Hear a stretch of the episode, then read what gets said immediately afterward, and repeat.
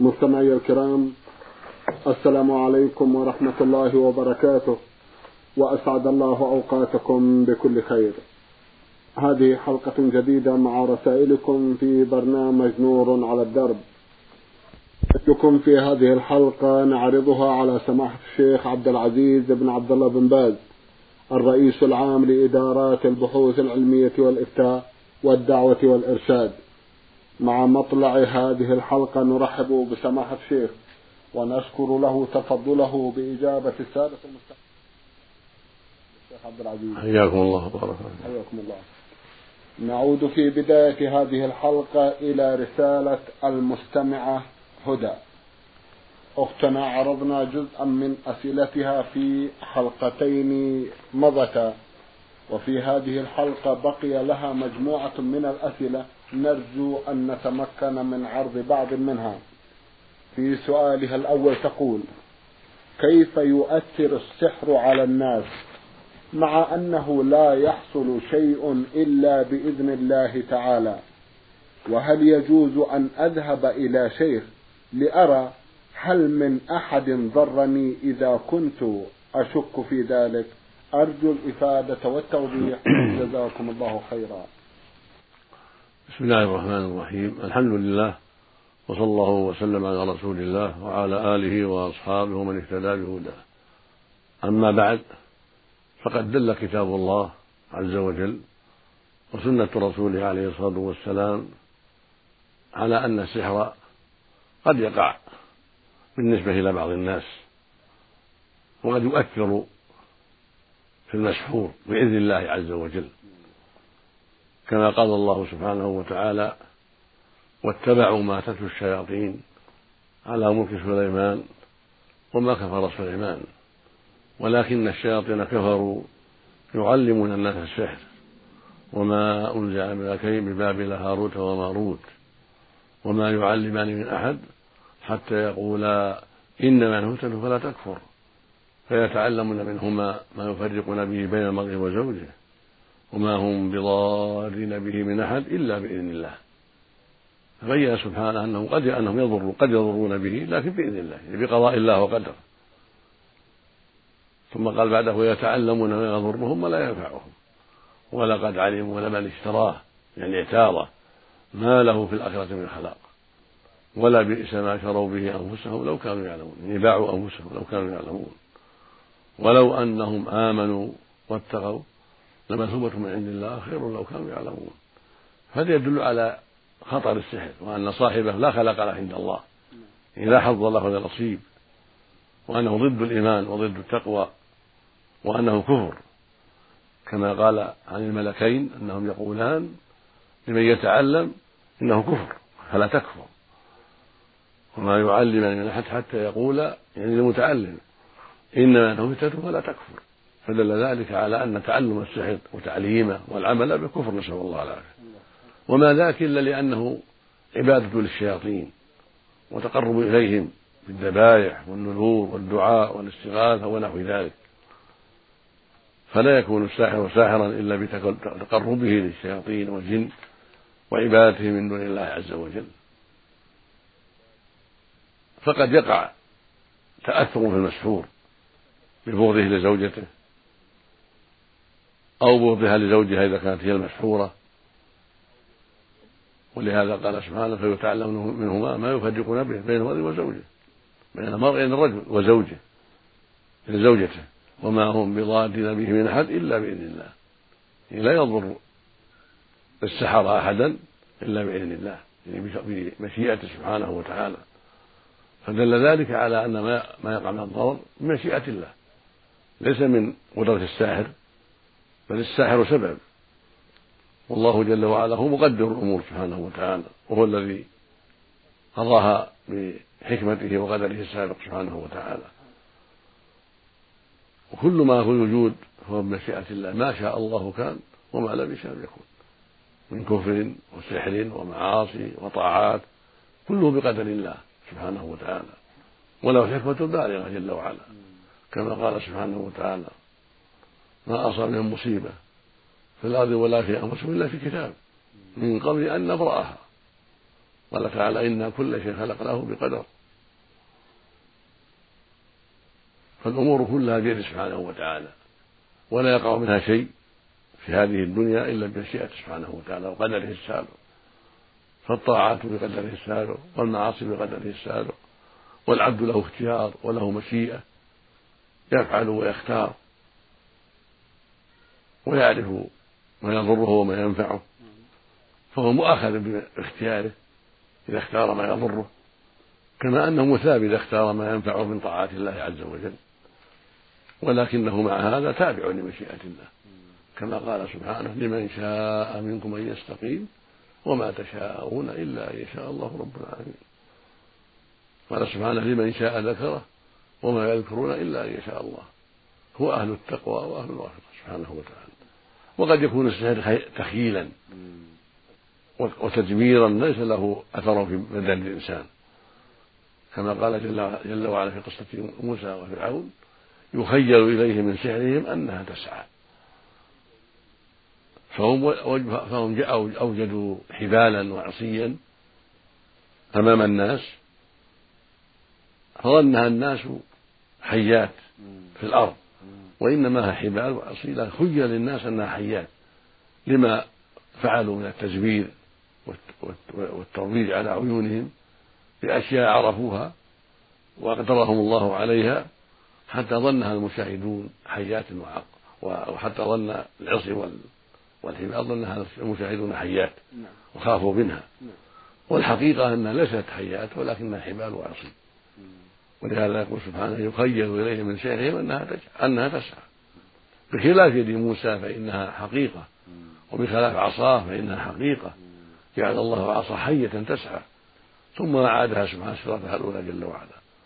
وهكذا يده جعل جعلها بيضاء ليس فيها مرض ولكنه آية. فعرفت بهذا أيها السائل وأيها المستمع أن السحر له حالان. إحداهما حقيقية تؤثر في المسحور بمرض أو قتل أو بغضاء بينه وبين صاحبه أو بينه وبين زوجته والحال الثاني تخييل وتزوير وليس لها أثر في نفس الإنسان ولكنه يخيل إليه أن زوجته غير زوجته وأن أخاه غير أخاه وأن صاحبه غير صاحبه وهكذا. فيخيل إليه أشياء تنفره من صاحبه وتنفره من زوجته أو تنفرها من زوجها بسبب ما وضعوا من الأشياء التي شوهت منظر الزوج أو الزوجة أو الصاحب حتى صار غير حال غير حال الأولى فوقعت البغضاء والتغير والتكدر لما حصل من التجميل والتخييل من الساحر بين هذا وهذا.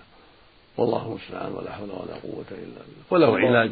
نعم. له علاج والحمد لله. الحمد لله. الله جعل له علاجا من القرآن الكريم. طيب. فإن الله جعل في القرآن شفاء من كل داء. فالقراءة على المشهور من آيات الله آيات التي نزلت في السحر وآية الكرسي وقل يا أيها الكافرون قل هو الله أحد وسورة المعوذتين هذه إذا قرأت على المشهور ونفع عليه بها ودعي له بالعافية ينفعه الله بذلك. أو تقرأ تقرأ في ماء تنفت في الماء آيات السحر التي في الأعراف والتي في يونس والتي في طه ثم يقرأ معها آية الكرسي وقل يا أيها الكافرون وقل هو الله أحد والمعوذتين ثم يشرب منها المشهور أو أو المحبوس عن زوجته ثلاث حسوات ثم يغتسل الباقي. هذا بإذن الله مجرب لزوال السحر وزوال الحبس الذي حبس عن زوجته. نعم. هذا مجرب وواقع والحمد لله. وهو من الدواء النافع المجدي الناجع بحمد الله وقد يعرف المسحور قد يعرف المسحور من سحره في مسامير إذا نظم بعضها في بعض أو في شعر عقد بعضه ببعض أو خراق أو أشبه ذلك. قد يعرفها المسحور. فإذا عرفها وأزالها بطل السحر. والله المستعان ولا حول ولا قوة إلا بالله. والآيات التي نعم. والآيات التي تقرأ نعم. من سورة الأعراف قوله تعالى وأوحينا إلى موسى أن ألقي عصاك فإذا تلقف ما يأفكون فوقع الحق وبطل ما كانوا يعملون فغلبوا هنالك وانقلبوا صاغرين. ومن آية ومن سورة يونس وقال فرعون ائتوني بكل ساحر عليم فلما جاء السحرة قال موسى ألقوا ما أنتم ملقون فلما ألقوا قال موسى ما جئتم به السحر إن الله سيبطله إن الله لا يصلح على المفسدين. ويحق الله الحق بكلماته ولو كره المجرمون. وفي سورة طه يقول سبحانه قالوا يا موسى إما أن تلقي وإما أن نكون أول أول من ألقى. قال بل ألقوا فإذا حمالهم وعصيهم يخير إلى مسحهم أنها تسعى. فأوجس في نفس خيفة موسى. قلنا لا تخف إنك أنت الأعلى. وألق ما في يمينك تلقف ما صنعوا إنما صنعوا كيد الساحر. ولا يفلح الساحر حيث أتى. هذه الآيات ومع وآية الكرسي وقل يا أيها الكافرون وقل هو الله أحد وقل أعوذ برب الفلق وقل أعوذ برب الناس كلها تقرأ في الماء أو على المسحور أو المحبوس عن زوجته ويدعى له بالشفاء والعافية بالدعاء المشهور الذي علمه النبي أصحابه عليه الصلاة والسلام اللهم رب الناس أذهب الباس واشف أنت الشافي لا شفاء إلا شفاؤك شفاء لا يغادر سقما. وإذا كرر ثلاثا كان أحسن لأنه عليه الصلاة والسلام إذا دعا دعا ثلاثا. وهكذا الدعاء المشهور الذي رقى به جبرائيل النبي عليه الصلاة والسلام بسم الله أرقيك من كل شيء من كل شيء من كل شيء يؤذيك ومن شر كل نفس أو عين حاسد الله يشفيك بسم الله أرقيك. هذا أيضا ينبغي يكرر ثلاثة كما فعل جبرائيل مع النبي صلى الله عليه وسلم فإنه رقاه بهذا بهذه الرقية العظيمة. بسم الله أرقيك من كل شيء يؤذيك ومن شر كل نفس أو عين حاسد؟ الله يشفيه بسم الله العظيم وإذا دعا له معه بدعوات أخرى فلا بأس من الدعوات الطيبة كان اللهم اشفه وعافه. اللهم أزل عنه السوء. اللهم أبلغه من مرضه. نحو الدعوات لا بأس. كله طيب. نعم. بارك الله فيكم وجزاكم الله خيرا. شيخ عبد العزيز كون السحر يقع هل يخرج عن قدرة الله وإرادته؟ مثل ما تقدم كلهم مشيئة الله. مثل ما قال سبحانه وما هم بضارين به من أحد إلا بإذن الله. فالشيء كله بإذن الله وقضاءه. إذا أراده سبحانه وقع. وإذا ما أراد لم يقع. ولو فعل السحر ما فعل. جزاكم الله خيرا. أيضا سمعت من بعض طلبة وهناك أشياء ينبغي التحرز منه وغيره منها. وهي التعوذ بكلمات الله التامات من شر ما خلق صباحا ومساء طيب. ثلاث مرات. وقل بسم الله الذي لا يضر مع اسمه شيء في الأرض ولا في السماء وهو السميع ثلاث مرات صباحا ومساء. كل هذا من أسباب السلامة من السحر والعين وغير ذلك. كذلك قراءة آية الكرسي بعد كل صلاة وقراءتها عند النوم. كذا قراءة قل الله أحد ومعوذتين بعد كل صلاة مرة وبعد الفجر. والمغرب ثلاث مرات كل هذا من أسباب العافية من كل سوء بإذن الله عز وجل. نعم. جزاكم الله خيرا. شيخ عبد العزيز سمعت من بعض طلبة العلم إنكاره للسحر حتى أنه قال ائتوا بالسحرة ليسحروني إن كانوا صادقين.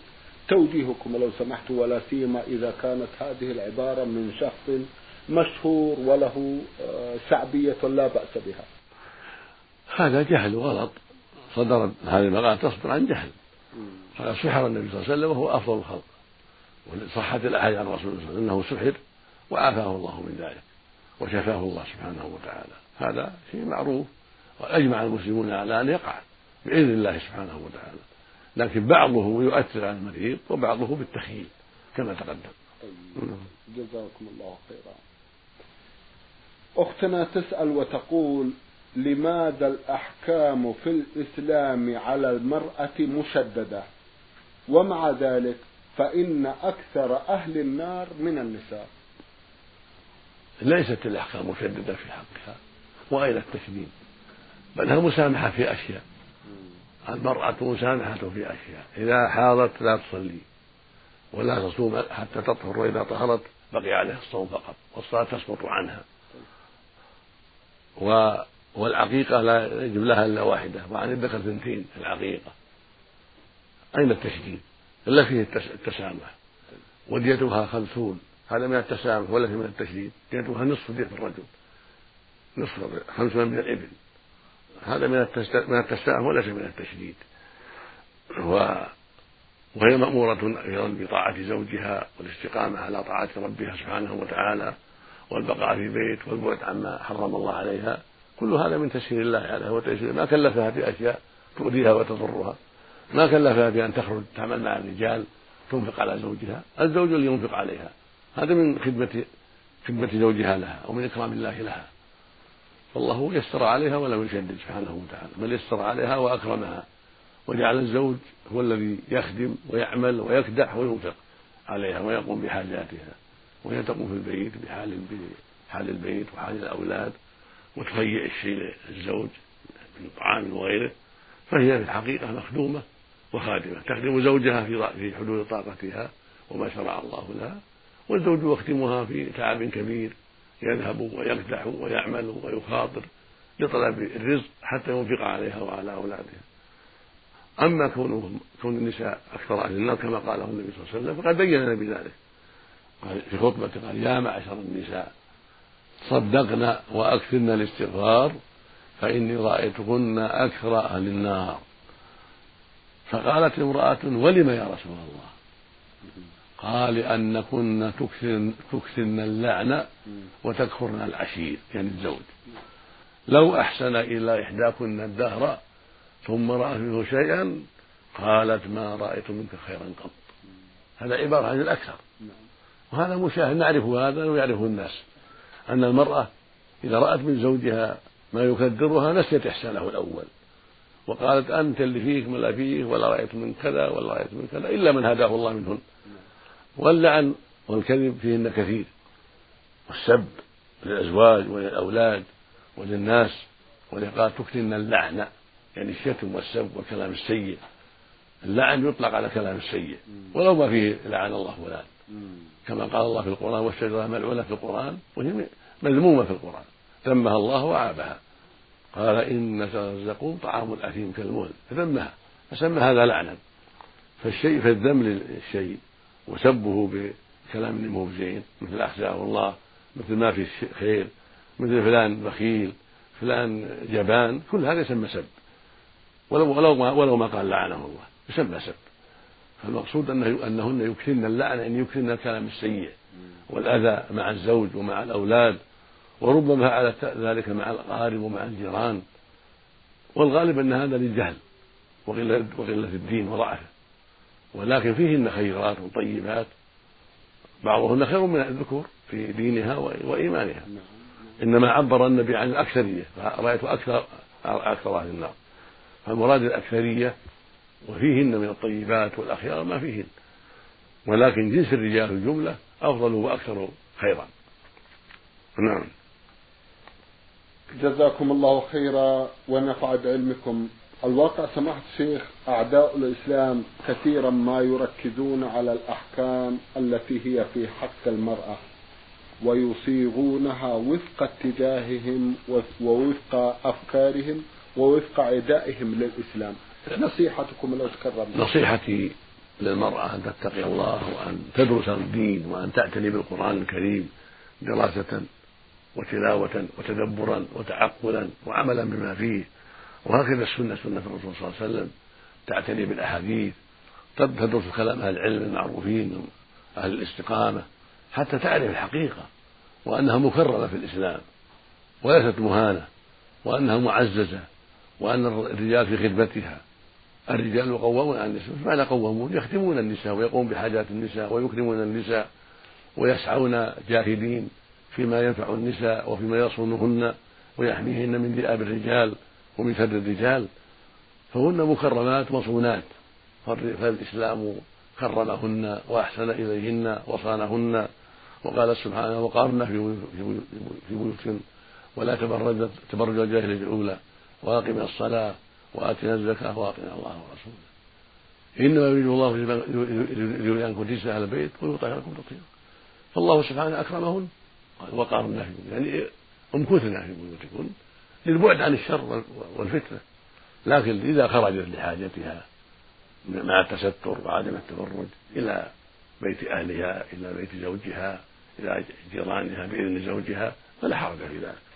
لكن الخروج من غير حاجة ما ينبغي لأنها عرضة للفتنة. فلزومها بيتها خير لها وأصلح إلا من حاجة تخرج إليها. ولهذا قال سبحانه وقرنا في بيوتهن. ولا تبرجن. تبرج الجاهلية الأولى.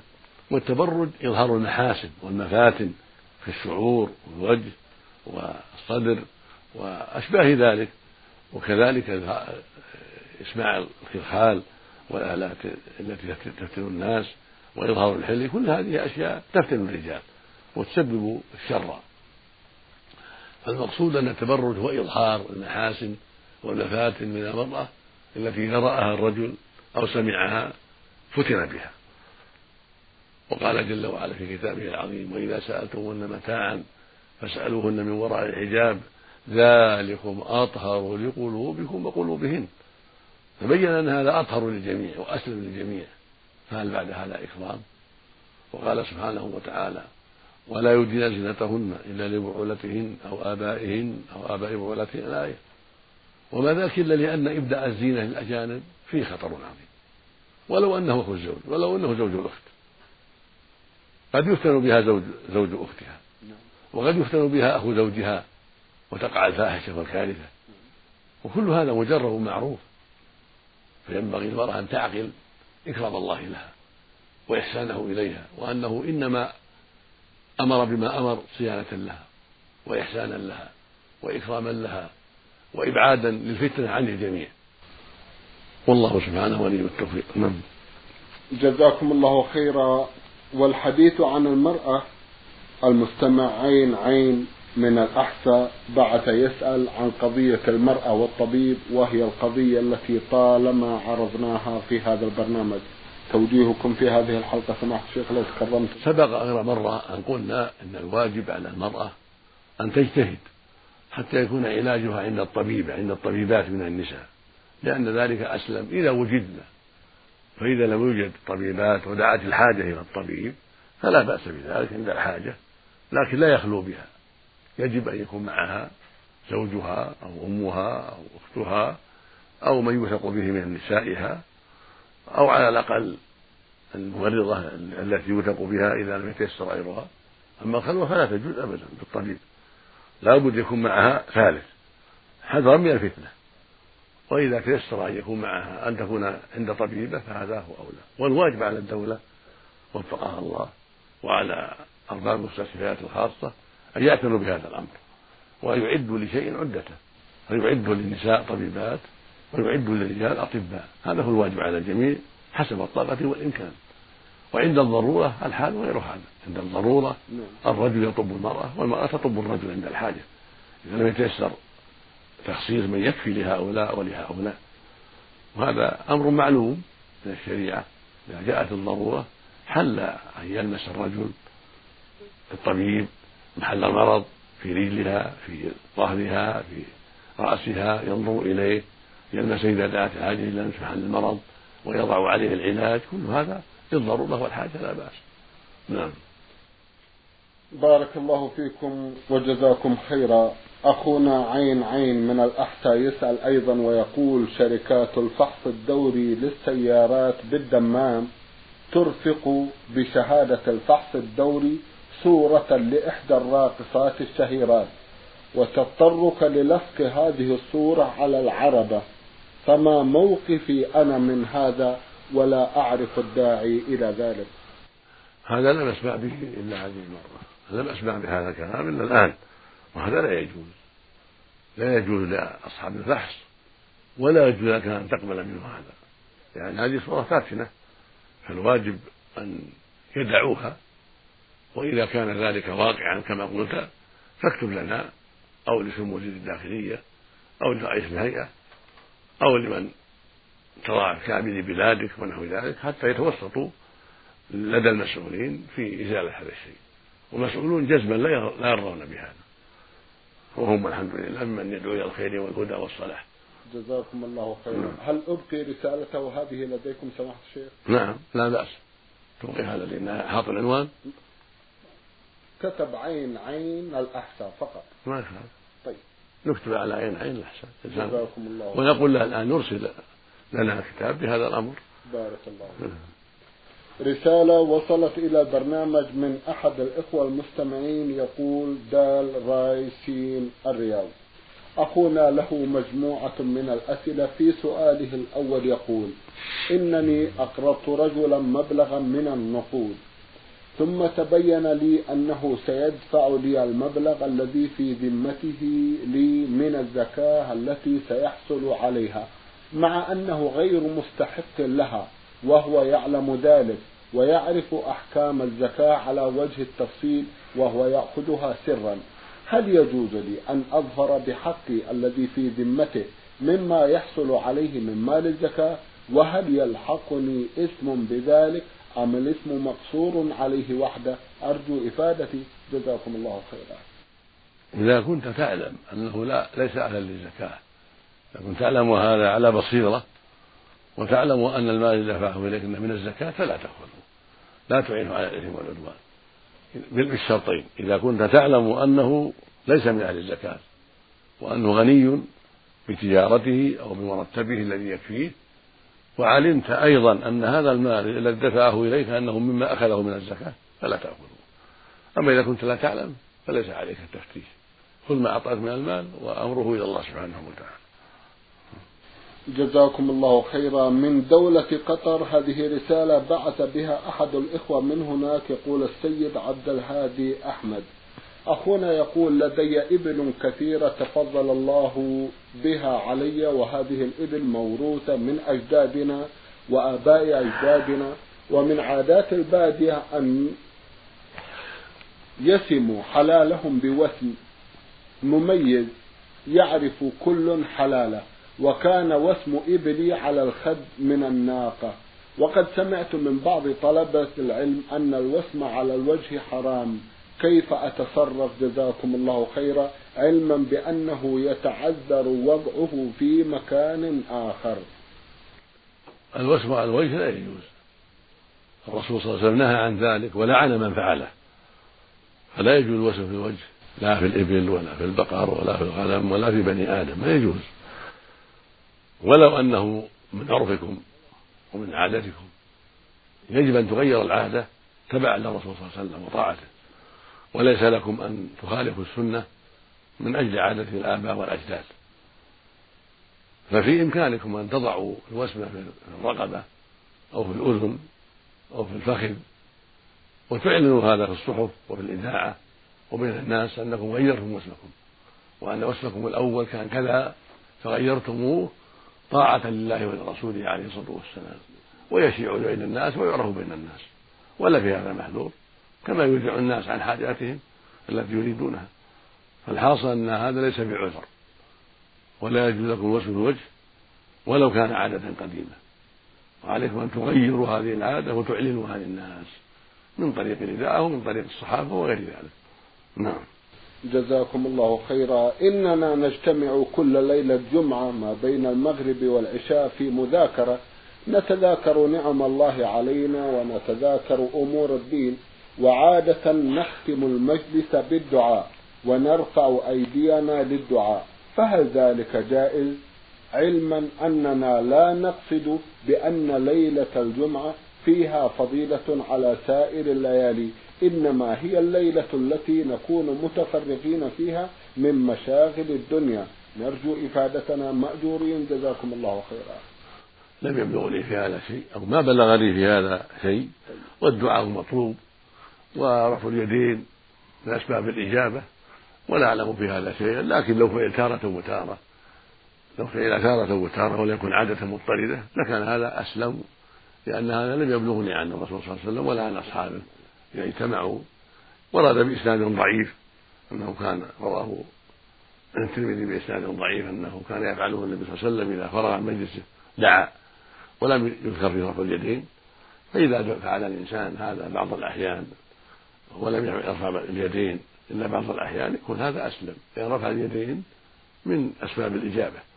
ولم يبلغني أنه كان عليه الصلاة والسلام. دعوا ورفعوا أيديهم لم لم لم يبلغني هذا بصفة يعني مستمرة. نعم قد يقع هذا النبي صلى الله عليه وسلم في بعض الأحيان يدعو ويرفع يديه. عند عروض بعض الحاجات لبعض الأشخاص أو لبعض القبائل. عند عروض ما يوجب ذلك. قد يرفع يديه ويدعو عليه الصلاة والسلام.